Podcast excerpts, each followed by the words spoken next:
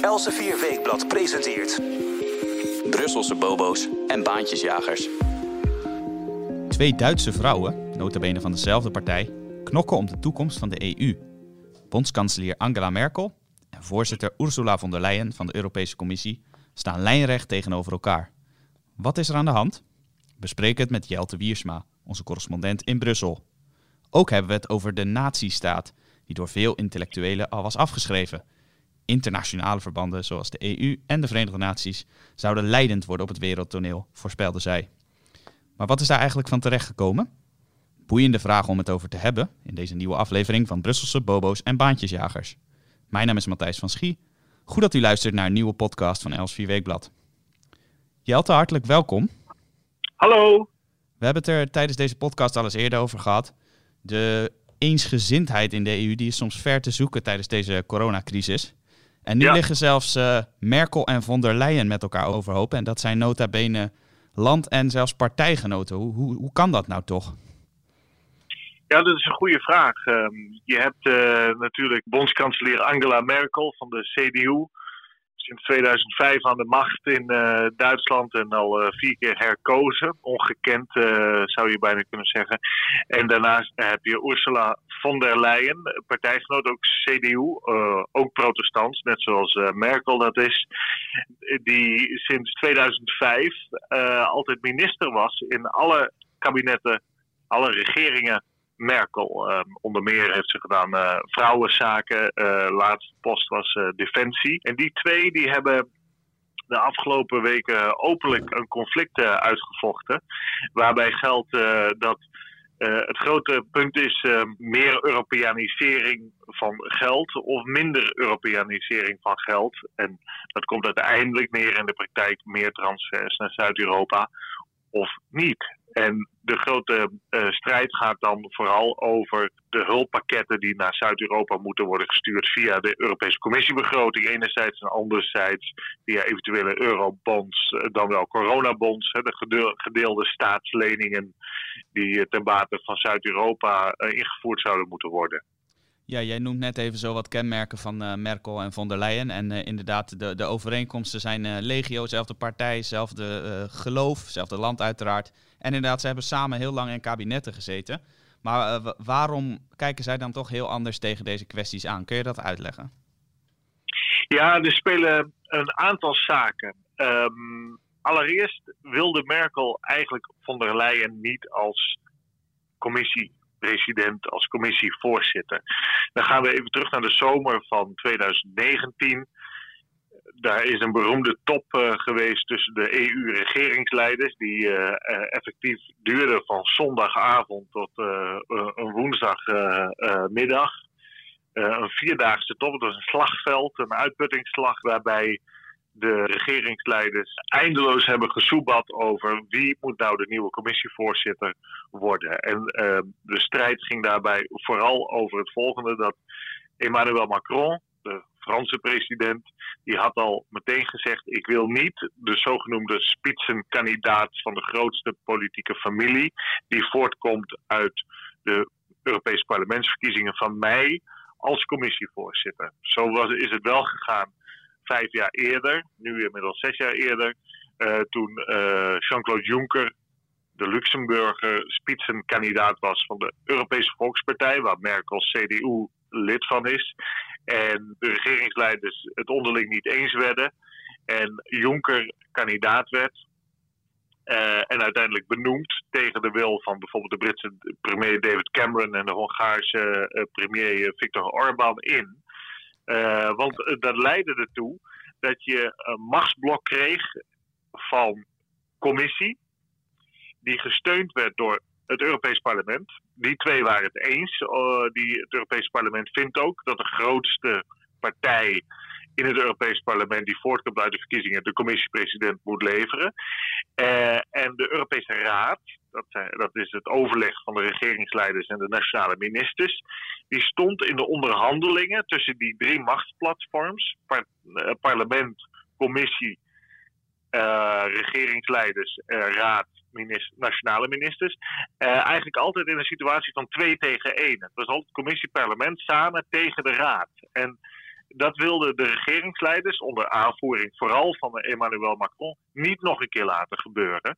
Dus die wilden per se niet dat Manfred Weber, dat was een, een Duitser uit Beieren, CSU, Um, ja, even, even de, zeggen natuurlijk, de CSU dat is een zusterpartij van het CDU, waar we dus inderdaad Merkel en uh, von der Leyen van kunnen kennen. Weber is van uh, de CSU, de, de Beierse zusterpartij van de uh, CDU van Merkel en von der Leyen.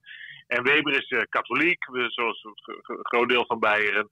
En Weber was de spitsenkandidaat van de Europese Volkspartij. De, de christendemocratische conservatieve partij die uh, over het algemeen pro-EU-integratie is.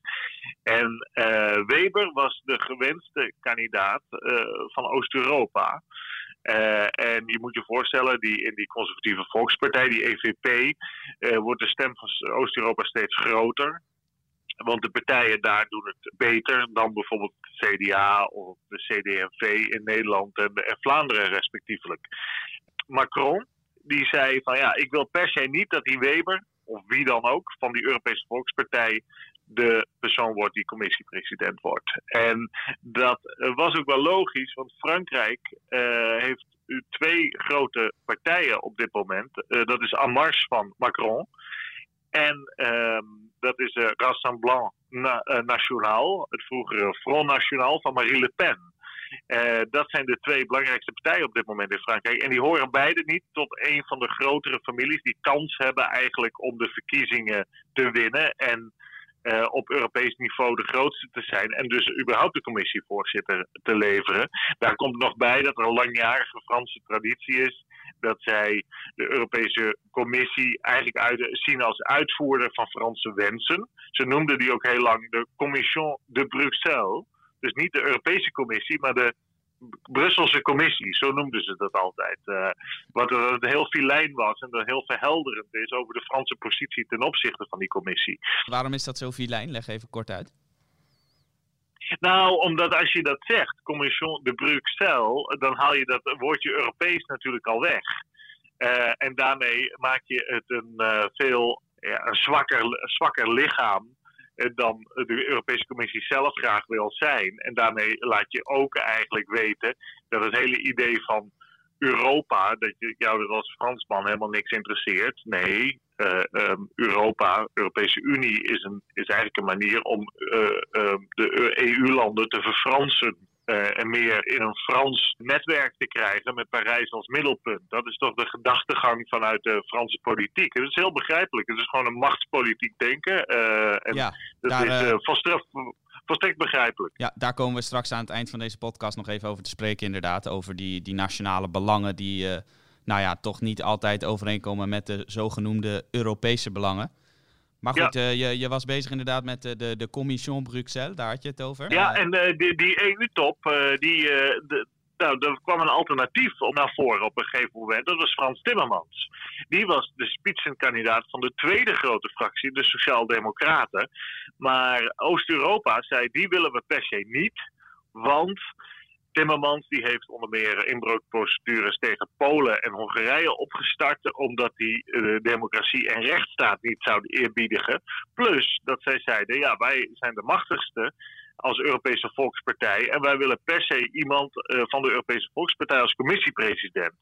Toen is Macron is met von der Leyen op de proppen gekomen. Hij wilde een zwakke commissiepresident, ook weer vanuit die gedachte dat is een uh, organisatie, een club die uh, onze orders als presidenten als, en als uh, regeringsleiders moet uitvoeren. Ja, dus en, hij, hij, wilde iemand die, die hij makkelijk kon bespelen eigenlijk. Ja, exact. En iemand die erg pro-Frans is. En pro-Europese integratie op Franse voorwaarden. Nou, die heeft hij gekregen. Uiteindelijk zijn alle regeringsleiders uh, daarmee akkoord gegaan. Uh, uh, als deal werd Jozef Borrell, de Spanjaard, hoge buitenlandvertegenwoordiging, als socialist. Timmermans die mocht dan nummer twee worden in de commissie, achter von der Leyen. Christine Lagarde, de Française, werd de president van de Europese Centrale Bank. Zodat er een balans was tussen een Duitse in Brussel en een Française in, in Frankfurt. Uh, en zo hebben ze dat aan elkaar geplakt. Nou, dat heeft vier dagen geduurd. Von der Leyen was een grote verrassing voor velen. En dat was ook niet helemaal verwonderlijk, want von der Leyen was ten eerste al iemand die niet werd gesteund door Merkel. Dus alle regeringsleiders hebben ingestemd met von der Leyen, behalve Angela Merkel. Uh, Merkel die mocht van de SPD, de coalitiepartner in haar regering, niet instemmen met de benoeming van von der Leyen tot commissiepresident. Dus uh, paradoxaal genoeg moest uh, Merkel deze partijgenoot, geloofsgenoot en jarenlang uh, een van haar ministers, uh, sinds het begin van haar bondskanselierschap ministers, mo mocht hij niet uh, daarmee instemmen. Nou, Merkel zei op de persconferentie na afloop toen van ja, ik was er toch wel enthousiast over dat von der Leyen het wordt, want het is voor het eerst een vrouw, dat vind ik toch wel leuk, zei ja, ze. Zo kon ze er nou, toch nog een positieve draai aan geven, maar in werkelijkheid dacht zij er het haren van. kennelijk, want ze hebben nu ruzie. En dat loopt al een tijdje, want uh, Van der Leyen doet precies waarvoor Macron haar in Brussel wilde hebben. Van der Leyen die uh, pleit voor meer geld naar de EU-begroting. En uh, dat geld dat moet dan worden gebruikt om veel meer uh, geld vanuit Brussel te gaan uitgeven. En dat geld moet dan vooral naar landen die in de problemen zitten, die zwakker zijn uh, financieel. En twee, uh, Van der Leyen wil eigenlijk eurobonds, de gedeelde staatsleningen, enzovoort, enzovoort. Nu lekte er eind april een plan uit van de commissie om voor 2000 euro aan investeringen te gaan doen. en dat geld dat zou dan door de lidstaten moeten worden opgebracht. En toen dat uitlekte, toen heeft uh, Angela Merkel uh, van der Leyen in een videoconferentie de mantel uitgeveegd en gezegd: uh, Sorry, maar volgende keer als jij weer eens een plan laat uitlekken, dan wil ik wel even van tevoren daarvan op de hoogte zijn. En toen zei van der Leyen: Ja, maar ik wist helemaal niet van het plan. Ik heb dat nooit gezien. Nou. Dat klinkt niet beide... alsof zij inderdaad de, de, de Europese Commissie, wie, da, wie dat dan ook gelekt zou hebben, heel goed onder controle heeft. Nee, het is in beide gevallen natuurlijk uh, catastrofaal voor Van der Leyen's uh, positie. Enerzijds, uh, kijk, of, of het is waar dat ze het inderdaad niet wist, maar dat betekent dat ze dus niet de baas is in de commissie. Of, dat kan ook nog zo zijn, ze wist het wel, uh, maar ze bedient de Fransen met een Franse agenda. En uh, Merkel heeft meteen gezegd: ja, maar dit, dit gaat ons niet gebeuren. Je moet je voorstellen, die commissiebegroting, de EU-begroting wordt het vaak genoemd, is nu 1000 miljard euro over zeven jaar. Dat is ongeveer 145 miljard euro per jaar. Dat wordt opgebracht door de lidstaten. En Nederland is daar de grootste netto-bijdrager per hoofd van de bevolking aan. En die zou naar 2000 uh, miljard euro gaan. Uh, enorme bedragen natuurlijk. Uh, het fascinerende voor mij is dat die, je hebt hier twee vrouwen die ook nog beide uit een beta-achtergrond hebben. Uh, Merkel is chemicus, ehm, von der Leyen is arts.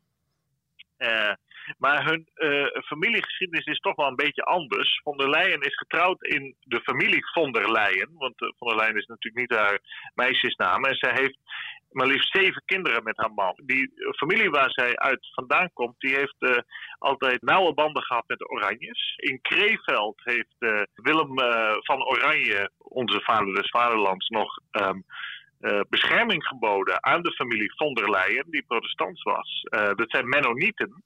En zoals we weten, de Mennonieten, die worden zo genoemd omdat ze um, afkomstig zijn of het, de volgers van de filosofie van Menno Simons. En die komt ook weer uit Nederland. Zo hebben we toch een, een, heel uh, boeiende en ik denk, jij zegt uh, zoals we al weten, maar ik denk dat een hoop luisteraars het niet wisten. Dus hebben we toch een heel boeiende en uh, verduidelijkende geschiedenisles. Dus dank daarvoor. Ja, en wat nog aardiger is, die familie von der Leyen die is heel rijk geworden in de lakenhandel. Die leverde aan alle hoven van Europa de mooiste stoffen. En de reden waarom dat, dat bedrijf zo'n succes was, was dat het in tegenstelling tot vele bedrijven destijds niet onder strikte overheidscontrole stond. Heel veel beroepen waren destijds in gilden georganiseerd of waren effectief gewoon uh, slaven, slavenbedrijven van hoven of andere adellijke types. En dat gold voor dit bedrijf niet. Wat we nu zien is dat uh, von der Leyen met de voorstellen die zij doet als uh, commissaris om de corona-lockdowns die we nu meemaken en de economische schade daardoor te herstellen, althans te counteren, dat ze juist overal overheidsinterventie wil. Dus haar familie, althans de familie waar ze is ingetrouwd, is rijk geworden juist dankzij weinig overheidsinterventie. Juist mede dankzij de bescherming van de Oranjes, de mensen die het altijd hebben opgenomen tegen de Fransen. Uh, Willem van Oranje uh, de der, of Willem III, de koning-stadhouder, die, die, die zei in zijn tijd, uh, 17e, 18e eeuw, van red Europa van de Fransen. Nou, dat, daar zijn we eigenlijk heden ten dagen nog steeds mee bezig. Er is dus niks veranderd. Uh, maar von der Leyen is kennelijk de familiegeschiedenis enigszins vergeten. Want uh, anders zou ze toch wel andere pleidooien houden in Brussel. Maar goed, zij, zij zelf is opgegroeid en geboren in Elsene de gemeente in Brussel waar mijn vrouw en ik ook wonen. Ze spreekt vloeiend Frans, heeft er Frans geleerd. Een, een stad, Brussel, die helemaal verfranst is onder Franse druk, Franse agressie, zou je kunnen zeggen. Uh, en al die zaken vindt zij toch wel prachtig. Merkel heeft een hele andere familieachtergrond natuurlijk. Die uh, komt uit een uh, veel armere familie van dominees die uit Hamburg komen en uiteindelijk naar de DDR zijn getrokken naar Oost-Duitsland, omdat ze dat socialistisch experiment wel aardig vonden. Ze dachten daar een nieuwe paradijs op aarde te gaan vinden. Nou, dat pakte toch even anders uit dan gedacht. Dus uh, die heeft in die zin wel een, een kuurtje gekregen uh, tegen al te veel overheidsinterventie. En um, die twee dames met die verschillende achtergronden, die zijn dus nu als een soort. De ene ene als spreekbuis van Frankrijk en dan in bredere zin Zuid-Europa. En de andere als spreekbuis van het noorden, inclusief Nederland, met elkaar aan het knokken. En ik ben heel benieuwd hoe deze. Dit is al een onaardige term, maar dat is wel passend. Deze catfight, uh, hoe die doorgaat uh, de komende jaren. Want ik denk dat we deze twee nog veel vaker zullen zien botsen. Ja, heel boeiend om in de gaten te houden, inderdaad. En zo, zo zie je maar weer, inderdaad. Ook al komen mensen uh, uit dezelfde partij, uit hetzelfde land, er schuilt ontzettend veel in hun uh, geschiedenissen. En in dit geval zelfs eeuwenoude geschiedenissen. En dat, dat is natuurlijk een van jouw specialismen om dat uit te diepen. Dus ik denk dat het voor de luisteraars heel verhelderend is om dit eventjes zo verduidelijkt te hebben. Want ja, een conflict tussen twee Duitse vrouwen uit het CDU, dat klinkt in de eerste plaats niet per se logisch. Nou, er, zit ook nog wel een dingetje bij natuurlijk. Kijk, een van de redenen waarom von der Leyen vanaf 2005 altijd de minister is kunnen blijven in de Merkel-regeringen, is dat zij nooit de ambitie heeft gehad om Merkel van haar stoel uh, te duwen. Er zijn natuurlijk velen gesneuveld in uh, Duitsland, uh, ook binnen de C CDU, die en CSU ook overigens, die hebben geprobeerd Merkel te wippen, uh, zelf die stoel uh, in te nemen. Of in ieder geval een, een, een, politieke geestverwant op die stoel te krijgen. Dat heeft von der Leyen nooit geprobeerd. Daar was ze ook altijd veel te zwak voor, want ze is niet heel populair in Duitsland. Ze heeft als minister ook niet zo'n heel indrukwekkende geschiedenis. En, die, die zwakke von der Leyen, die altijd daardoor een adjudant van Merkel was in die regeringen, die heeft nu opeens een machtspositie als commissievoorzitter met de steun van de Franse president Macron. En die daagt die Merkel toch uit nu. Hè? Die, die is dus eh, meer dan een decennium onder Merkel in haar regering geweest. Nooit een bedreiging geweest, nooit heel populair. En nu heeft ze die machtspositie en nu gaat ze die ook proberen te gebruiken. En uh, dan zie je dat meteen botst. Een hele interessante psychologie tussen die twee uh, ja, zeker over de verhoudingen tussen uh, von der Leyen en Macron gesproken. Uh, jij schreef uh, voor de website van Elsevier Weekblad een commentaar. Dat kunt u ook vinden in de beschrijving van deze podcast. Waarin jij inderdaad uiteenzet eigenlijk hoe Macron en von der Leyen samen optrekken als het gaat om de noodsteun voor EU-landen in deze coronacrisis. En jij zegt dat onderstreept eigenlijk waarom von der Leyen een spreekbuis is van Macron. Ja, wat, wat uh, Van der Leyen heeft gezegd in het Europees Parlement, um, is hem iets wat volgens mij correct is. Die zegt uh, de Noord-Europese bedrijven gaan profiteren van deze crisis, want uh, Noord-Europese regeringen hebben veel diepere zakken om hun bedrijven te helpen. En de Zuid-Europese bedrijven, die geconfronteerd worden met regeringen die al hoge schulden hebben, kunnen rekenen op minder bijstand. Dus we gaan waarschijnlijk in het zuiden meer faillissementen zien. En dan komt er simpelweg marktaandeel vrij. En Noord-Europese bedrijven uh, zullen dat dan mogelijk uh, in gaan nemen. Nou, uh, normaal gesproken is, uh, is de massale staatssteun die je nu ziet van nationale regeringen aan bedrijven niet mogelijk. Dat mag niet volgens de regels van de interne markt. Al zijn er wel een paar uitzonderingen voor strategische sectoren, zoals havens of, of uh, maritieme industrie. Maar over het algemeen is dat niet de bedoeling. En de, voor Nederland is dat altijd zeer voordelig geweest. Uh, want Nederland is natuurlijk maar klein. En wij kunnen niet als Nederland bedrijven eindeloos financieel gaan steunen. Zoals die, die cultuur in Frankrijk en Italië en Spanje wel veel meer bestaat. En uh, Nederlandse bedrijven hebben dus uh, eigenlijk de subsidie, via die interne markt uh, die enorme subsidiestromen in het zuiden kunnen stoppen. En daardoor veel meer marktaandeel al kunnen verwerven. En dat gaat waarschijnlijk in de analyse van von der Leyen, en ik denk dat ze gelijk heeft, door. Maar dat is iets heel goeds en iets heel logisch eigenlijk.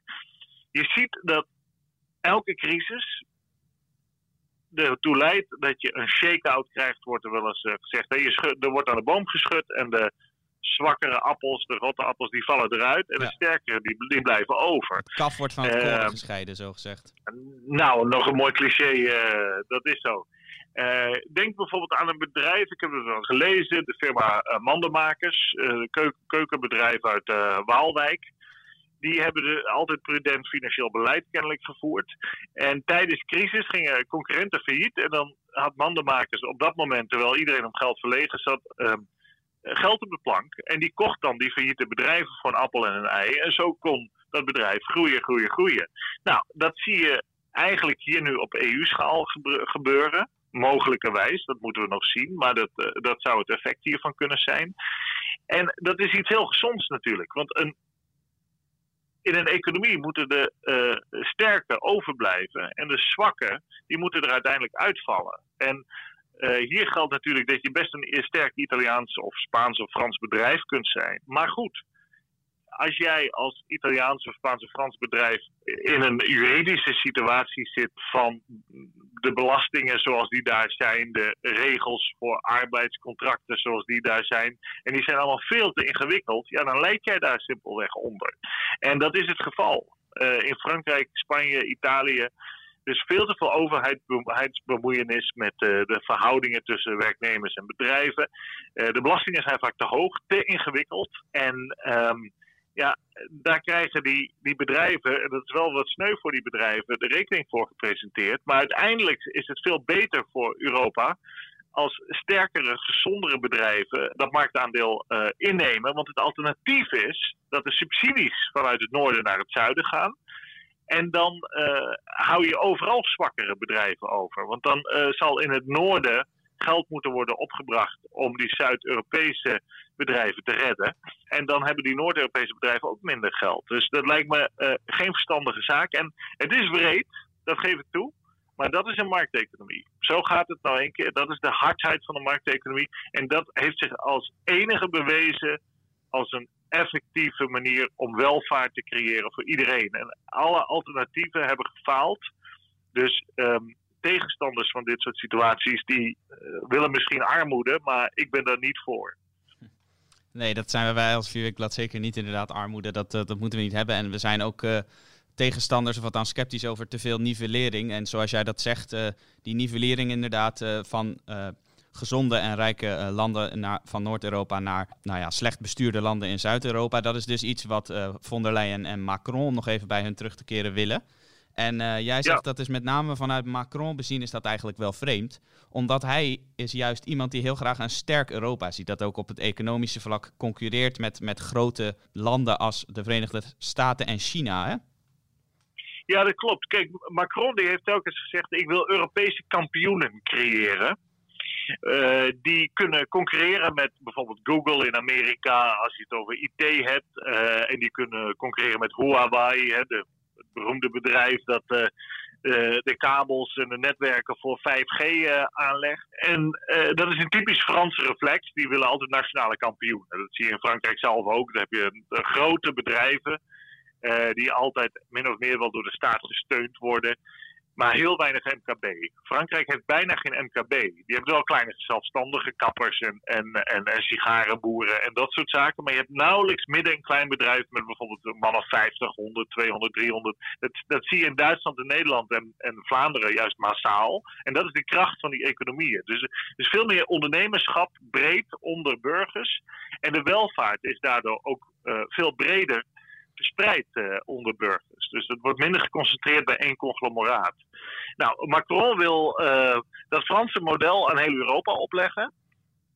En uh, het bekendste voorbeeld daarvan is de treinafdeling van Siemens uit Duitsland. Fuseren met de, de hogesnelheidsbouwer Alstom. Dat is een Frans bedrijf. En tot een Europese supertreinbouwer komen die expert is in het bouwen van vooral hogesnelheidstreinen. Dan heb je op de Europese markt effectief nog maar één speler. Naast het Canadese Bombardier, uh, dat hier dan ook op de markt actief kan zijn. Kan zijn. Nou, Vestager, Margrethe Vestager, de liberale commissaris van mededinging, heeft daar vorig jaar een streep doorgezet. Europese commissaris, die heeft gezegd: nee, dat mag niet. Uh, meer concurrentie. Ja, die heeft een goede Noord-Europese liberale reflex. En die zegt van nee, nee, nee, nee, nee. Uh, Zo'n zo Europese kampioen, die wordt veel te machtig op de EU-markt. En uh, daar leiden dan treinbedrijven die treinen willen kopen onder. Want je weet zeker dat de prijs dan omhoog gaat. En Macron zegt nee, nee, nee, maar we concurreren op wereldschaal met grote Amerikaanse en Chinese bedrijven. En in die strijd moeten wij nationale kampioenen beter gezegd EU-kampioenen bouwen. Nou, als je dat wil, dan is deze crisis natuurlijk een perfecte kans daarvoor. Maar dan is het niet vanuit de hoofdsteden, zoals uh, Macron graag wil, gedirigeerd wie die nationale kampioenen zijn. Maar dan is het gewoon de markt die dat gaat bepalen. En als er Noord-Europese bedrijven zijn die marktaandeel in het zuiden kunnen overnemen, van bedrijven die daar failliet gaan of in de problemen komen en overgenomen zullen worden door bedrijven vanuit het noorden, dan krijg je dus een soort Europese kampioenen. Maar het resultaat is wel dat die grotendeels in Noord-Europa gevestigd zullen zijn of het Noord-Europese bedrijven zullen zijn. En dat wil hij natuurlijk niet. Vandaar dat hij ook altijd die transfers nodig heeft naar het zuiden. Want um, het in leven houden van die Franse nationale kampioenen, dat lukt eigenlijk alleen maar uh, als je daar als staat permanent geld in stopt. Want die zijn altijd, of meestal, inefficiënter dan marktbedrijven die uh, uh, de, de tucht van de markt voelen en de wensen van de consumenten en de veranderende wensen van de consument constant moeten aanvoelen en zich daarbij moeten aanpassen qua prijs en kwaliteit. En daar zie je dus twee tegengestelde ideologieën vanuit het noorden, meer liberaal, en vanuit het zuiden, meer dirigistisch, tegenover elkaar staan. Um, en uh, de strijd om geld in de EU, transfers van Noord naar Zuid, is, het gaat dus over veel fundamentelere vragen. Het gaat ook om macht. Want het is inderdaad zo, je kan als minderheid, en Noord-Europa vormt een minderheid binnen de EU, kan je natuurlijk die hele EU gaan domineren als jij al het geld hebt en alle bedrijven van jou zijn. Als je kijkt bijvoorbeeld naar Duitsland, dat heeft heel veel auto-industrie in Oost-Europa. Dat is de grootste werkgever in uh, Tsjechië met Skoda, in uh, Hongarije met Audi. En die hebben dus uh, een geweldige kracht om een premier daar te maken of breken. Want als Merkel zegt tegen Niedersachsen, groot aandeelhouder van het bedrijf Volkswagen, het moederbedrijf van Audi, van uh, jullie trekken uh, al je productie uit uh, Hongarije maar lekker terug, want ik mag die Orbán niet. Ja, dan heb je dus een machtspositie van hier tot Tokio. En we weten zelf dat de, de republiek, de voorganger van het Koninkrijk der Nederlanden, onze eigen republiek, was een, natuurlijk maar een mini-staatje, maar domineerde wel enige jaren Europa. Simpelweg omdat het zo rijk was dat het iedereen kon omkopen en uh, iedereen uh, naar zijn hand kon zetten. Dus je kan uh, klein zijn of kleiner zijn, maar toch dominant zijn. En dat is een geweldige vrees natuurlijk in het zuiden dat er zo'n situatie gaat ontstaan. Ja, en dat is dus eigenlijk wat, wat Macron en von der Leyen willen voorkomen in de Europese Unie. En dat gaan ze dan tijdens deze coronacrisis, waar inderdaad volop geld wordt, wordt uitgedeeld, noodgedwongen wellicht, gaan ze dat proberen te voorkomen. Uh, dat is een boeiende ontwikkeling om in de gaten te houden, hoe dat steunpakket inderdaad precies eruit komt te zien. Nou gaan we het dan nu ook nog over een derde onderwerp hebben. En daarin gaat het opnieuw over uh, von der Leyen. Het, het lijkt wel alsof wij iets tegen haar persoon hebben. Als je deze podcast luistert, dat is geen zin het geval natuurlijk. Maar jij zegt eigenlijk die, die Europese Commissie van Ursula von der Leyen, waar zij leiding aan geeft, die is gedegradeerd tot een soort stempelmachine. En dat is juist natuurlijk in deze tijd van crisis best wel pikant en ook best wel pijnlijk voor haar. Wat, wat bedoel je daar precies mee? Nou, wat mij zo opviel is wat er meestal gebeurt als er bijvoorbeeld uh, staatssteun verleend gaat worden aan een bedrijf door een nationale regering. Uh, of eigenlijk altijd, dat er toestemming moet komen van de Europese Commissie in Brussel.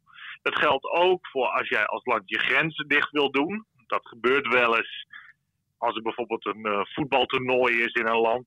Dan doen ze de grens dicht om te zorgen dat hooligans er worden uitgefilterd enzovoort. Maar je moet altijd toestemming hebben daarvan, daarvoor van de Europese Commissie. Want het zijn inbreuken op het recht van de Europese interne markt. Uh, en die uh, regels die schrijven voor dat er natuurlijk geen oneerlijke concurrentie moet zijn. Je kan niet hebben dat het ene land wel staatssteun geeft aan zijn visfabriek en het andere land niet. Ja, dan weet je wel welke visfabriek uh, weggeconcurreerd wordt. Op dit moment is het zo dat de laatste twee maanden hebben nationale regeringen van EU-landen eigenstandig, eigenhandig, zonder consultatie van Brussel, de ene naar de andere maatregel genomen die tegen die interne marktregels ingaan. Uh, de nationale regeringen hebben bijvoorbeeld van verschillende landen besloten om de grenzen dicht te doen. En daarna sturen ze een briefje naar von der. En dan zeggen ze, wilt u even een stempel opzetten? Want u snapt wel, we gaan natuurlijk niet uh, accepteren dat u gaat zeggen dat ik dat niet mag doen als regeringsleider. En dat doet ze dus ook braaf. Zij heeft aan de lopende band afgestempeld dat er ook staatssteun mag komen. ik bedoel, er wordt nu geweldig veel staatssteun gegeven aan bedrijven op een ongekende schaal. Zien we dat gebeuren in alle EU-landen. Ehm, ja, dat mag dus eigenlijk niet. Maar dat, dat keurt ze allemaal goed. Eigenlijk allemaal. Maar dat keurt ze pas achteraf goed. Want die, die maatregelen zijn al besloten door de regeringen. Die zijn al genomen door de regeringen. En dan eh, is het puur nog een formele transactie achteraf. En dat is toch wel heel pijnlijk voor de commissie, die toch altijd hoopt een Europese regering te zijn. Maar nu blijkt dat de loyaliteit van burgers toch ligt bij die natiestaat. En dat je alleen krachtig kunt opereren als je staat op zulke loyaliteit. Op die loyaliteit van burgers. En als je die niet hebt, en die heeft de commissie natuurlijk niet, dan ben je een reuze voeten. En dat blijkt nu.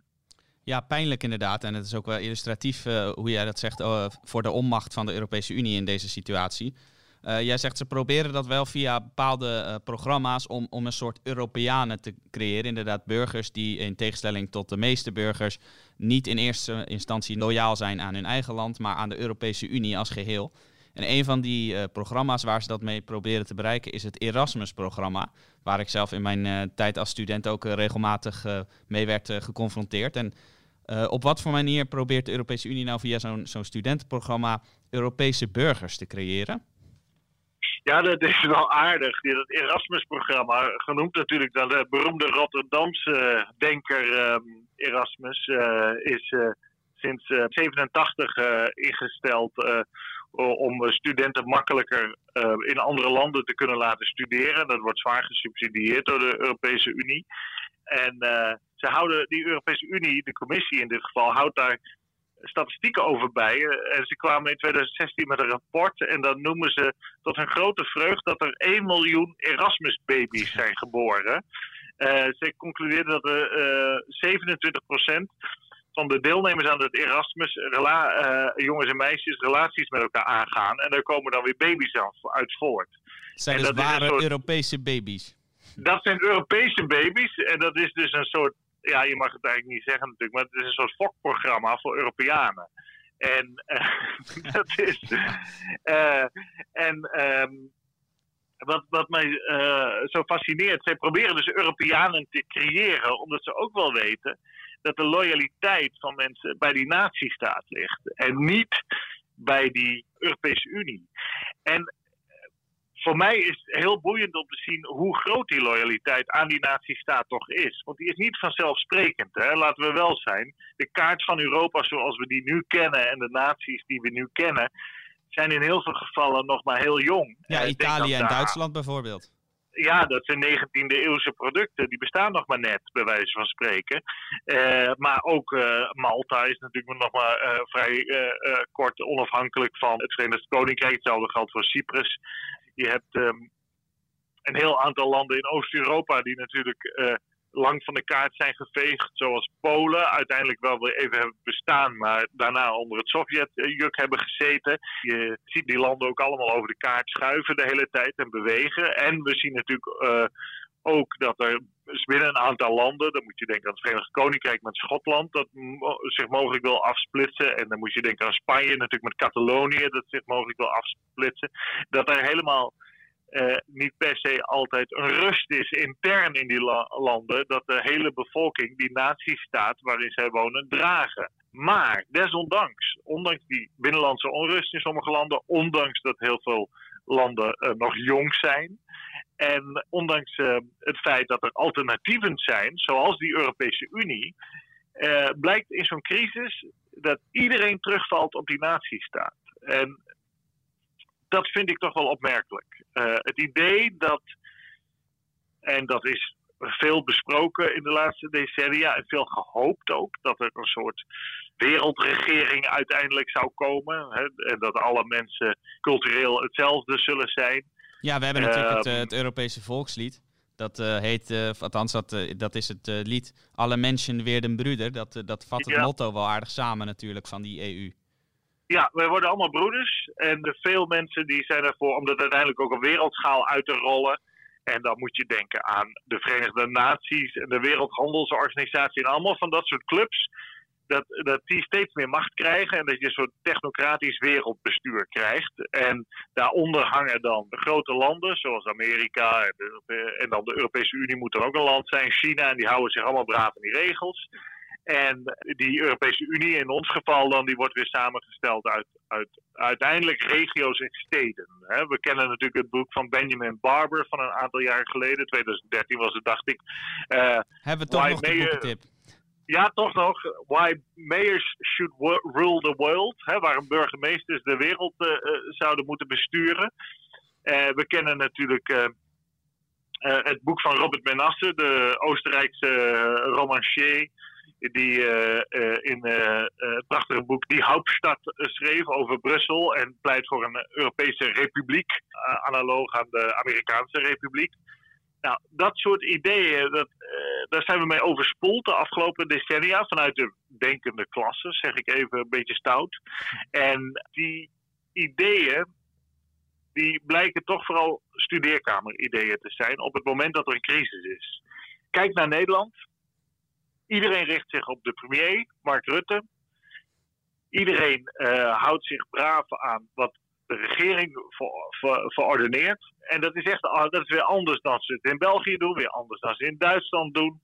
De, de loyaliteit ligt bij Nederland. We zien dat ook met coronapatiënten. Die gaan van eh, Noord-Brabant naar eh, Groningen. Er zijn een aantal naar Duitsland gegaan, maar dat is echt uitzonderlijk. Eh, dus Noord-Brabant, dat ligt verder weg van Vlaams-Brabant. Maar toch gaan die patiënten naar ziekenhuizen in Groningen. Hè? Dus je ziet daar dat die loyaliteit, die ligt eh, bij die natiestaat. En dat is ook voor Nederland helemaal niet vanzelfsprekend. Want Noord-Brabant en Limburg waren tot 200 jaar geleden natuurlijk generaliteitslanden, slaven, staten, bufferstaten van Holland vooral.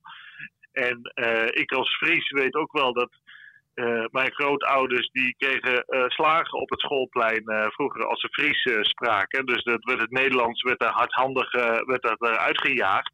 Dus zo vriendelijk is die nazistaat Nederland ook niet altijd geweest tegen de eigen burgers. Maar goed, desondanks heeft die nazistaat een plek verworven. Dat hebben we met 4 en 5 mei ook nog eens kunnen zien. Hoeveel mensen toch wel niet hun vlag uithangen. De Nederlandse vlag, en dat is eigenlijk de Hollandse vlag. Hè? Dus in Brabant zwaaien mensen met zo'n Hollandse vlag. Eh, dat is toch wel iets om eh, te benadrukken. En de Europese vlag, die, uh, die is inderdaad eigenlijk aan geen enkel huis ooit te bekennen. Die zie je niet. Dus die loyaliteit ligt bij die nazistaat. En um, Jerome Heldring, de beroemde conservatieve commentator van NRC Handelsblad, toen die krant nog conservatieven kende binnen uh, de kolommen, dat is helaas uh, tegenwoordig niet meer het geval, die zei de verzorgingsstaat heeft burgers heel erg gebonden aan de nazistaat. En die loyaliteit eigenlijk gekocht. En ik denk dat dat een uh, belangrijk punt inderdaad is. Die nazistaat is heel erg annex geworden met de verzorgingsstaat. En je ziet ook op EU-niveau dat, uh, dat de verzorgingsstaat overhevelen naar een EU-niveau, dat wil eigenlijk niemand. Want dat is toch de kern van een moderne nazistaat zoals als je die in Europa kent. En dat is de, daar zit de magie dat iemand uit Groningen, iemand uit Friesland, iemand uit Limburg, iemand uit Brabant, mensen die elkaar nooit in hun leven zullen kennen, elkaar steunen op het moment dat er problemen zijn uh, in financiële of gezondheidszin. En die magie, Bart de Wever, de burgemeester van Antwerpen en NVA-voorman, die noemt het de Rest, Respublica, de beroemde Latijnse term. Die magie dat je samen een clubje bent. Ernest Renan, de beroemde de Franse denker, vertaald door Elsevier, zijn toespraak over de nazistaat. Vertaald door Elsevier. Verkrijgbaar uh, in onze webshop. Zo is het, dat moet je wel even zeggen. Die, uh, die Ernest Renan, Frans filosoof, gaf in de 19e eeuw in Leiden een beroemde toespraak. Uh, wat is een nazistaat? En die concludeerde dat je niet kan spreken over ras of, of, of huidskleur of, of etniciteit of zo. Maar het enige, de wil om samen een toekomst te, te hebben. En om samen in goede en slechte tijden elkaar te steunen. Dat is een beetje de samenvatting van wat hij beweert. En dat zie je dus in die, deze coronacrisis gebeuren. En uh, dat fascineert mij enorm dat die nazistaat, dat dat de krachtige, krachtigste speler blijkt te zijn. En niet de steden, niet de regio's, niet de Europese Unie, niet de Verenigde Naties. Maar die nazistaat komt helemaal weer bovendrijven. Ja, dat is heel boeiend inderdaad om te zien. Uh, toch wil ik nog eventjes terugkomen op wat je net zei. Jij zei namelijk uh, terecht overigens de, de nazistaten zoals wij die nu kennen, die zijn in sommige gevallen zijn nog maar heel jonge uitvindingen eigenlijk. En nou is het natuurlijk zo, die uh, nazistaten, dat is inderdaad waar de meeste burgers loyaal aan zijn. Maar die Europese Unie, die, die denkt waarschijnlijk, of althans de, de mensen die daar aan de knoppen zitten, die denken waarschijnlijk, nou, wat die nazistaten hebben gedaan, inderdaad, uh, burgers loyaal aan zich maken, inderdaad eenheid creëren, dat kunnen wij best bereiken, maar dan op grotere schaal binnen die Europese Unie. Dus dat de Europese Unie inderdaad een soort nieuwe nazistaat wordt. En dan zie jij dat dat mogelijk pas over uh, tientallen of honderden jaren. Zie jij dat wel als een reële mogelijkheid? Dat, dat die EU een soort vervangende, overstijgende natiestaat wordt? Dat is niet uitgesloten. Zeker niet. We kennen natuurlijk het voorbeeld van Frankrijk, waar in, de, in 1900 de helft van de mensen geen Frans uh, sprak. En uh, Frankrijk heeft toen een agressief onderwijsplan over het land uitgerold en iedereen uh, tot Fransman gedwongen, zou je kunnen zeggen. En ja, dat proberen ze op EU-schaal te kopiëren. Het grote verschil met nu is natuurlijk wel dat je dus die verzorgingsstaat hebt. Maar je hebt ook nationale media, nationale symbolen zoals voetbalelftallen en volleybalelftallen en weet ik wat voor sporten mensen allemaal uh, beoefenen. Uh, je hebt de nationale media heel sterk ook in de publieke sfeer, dus de publieke omroepen uh, in veel landen, die over het algemeen vrij pro-EU zijn, die hebben paradoxaal genoeg natuurlijk een essentiële rol in het bijeenhouden van die nazistaat. Doordat ze nationale evenementen uitzenden, uh, daar allemaal programma's omheen uh, maken, aan educatie doen. En mensen zijn nu natuurlijk veel ruimer opgeleid al in de taal dan ze 100 jaar geleden waren, waar toen nog minder mensen naar school gingen. Dus ik denk dat de barrières om tot zo'n samensmelting te komen veel hoger zijn nu dan ze toen waren. En dat de gehechtheid aan die nazistaat uh, juist uh, is toegenomen. En wat me ook nog wel zo boeit, en dat, uh, daar heb ik in Brussel met veel mensen ook altijd over gehad. Ik zeg dan, ehm, ja, die Europese Unie, Europese samenwerking. Nou, Europese samenwerking, daar is volgens mij niemand tegen. Maar waarom zou je de ambitie hebben om die florerende natiestaten, die zich bewijzen als een plek waarin mensen zich veilig voelen.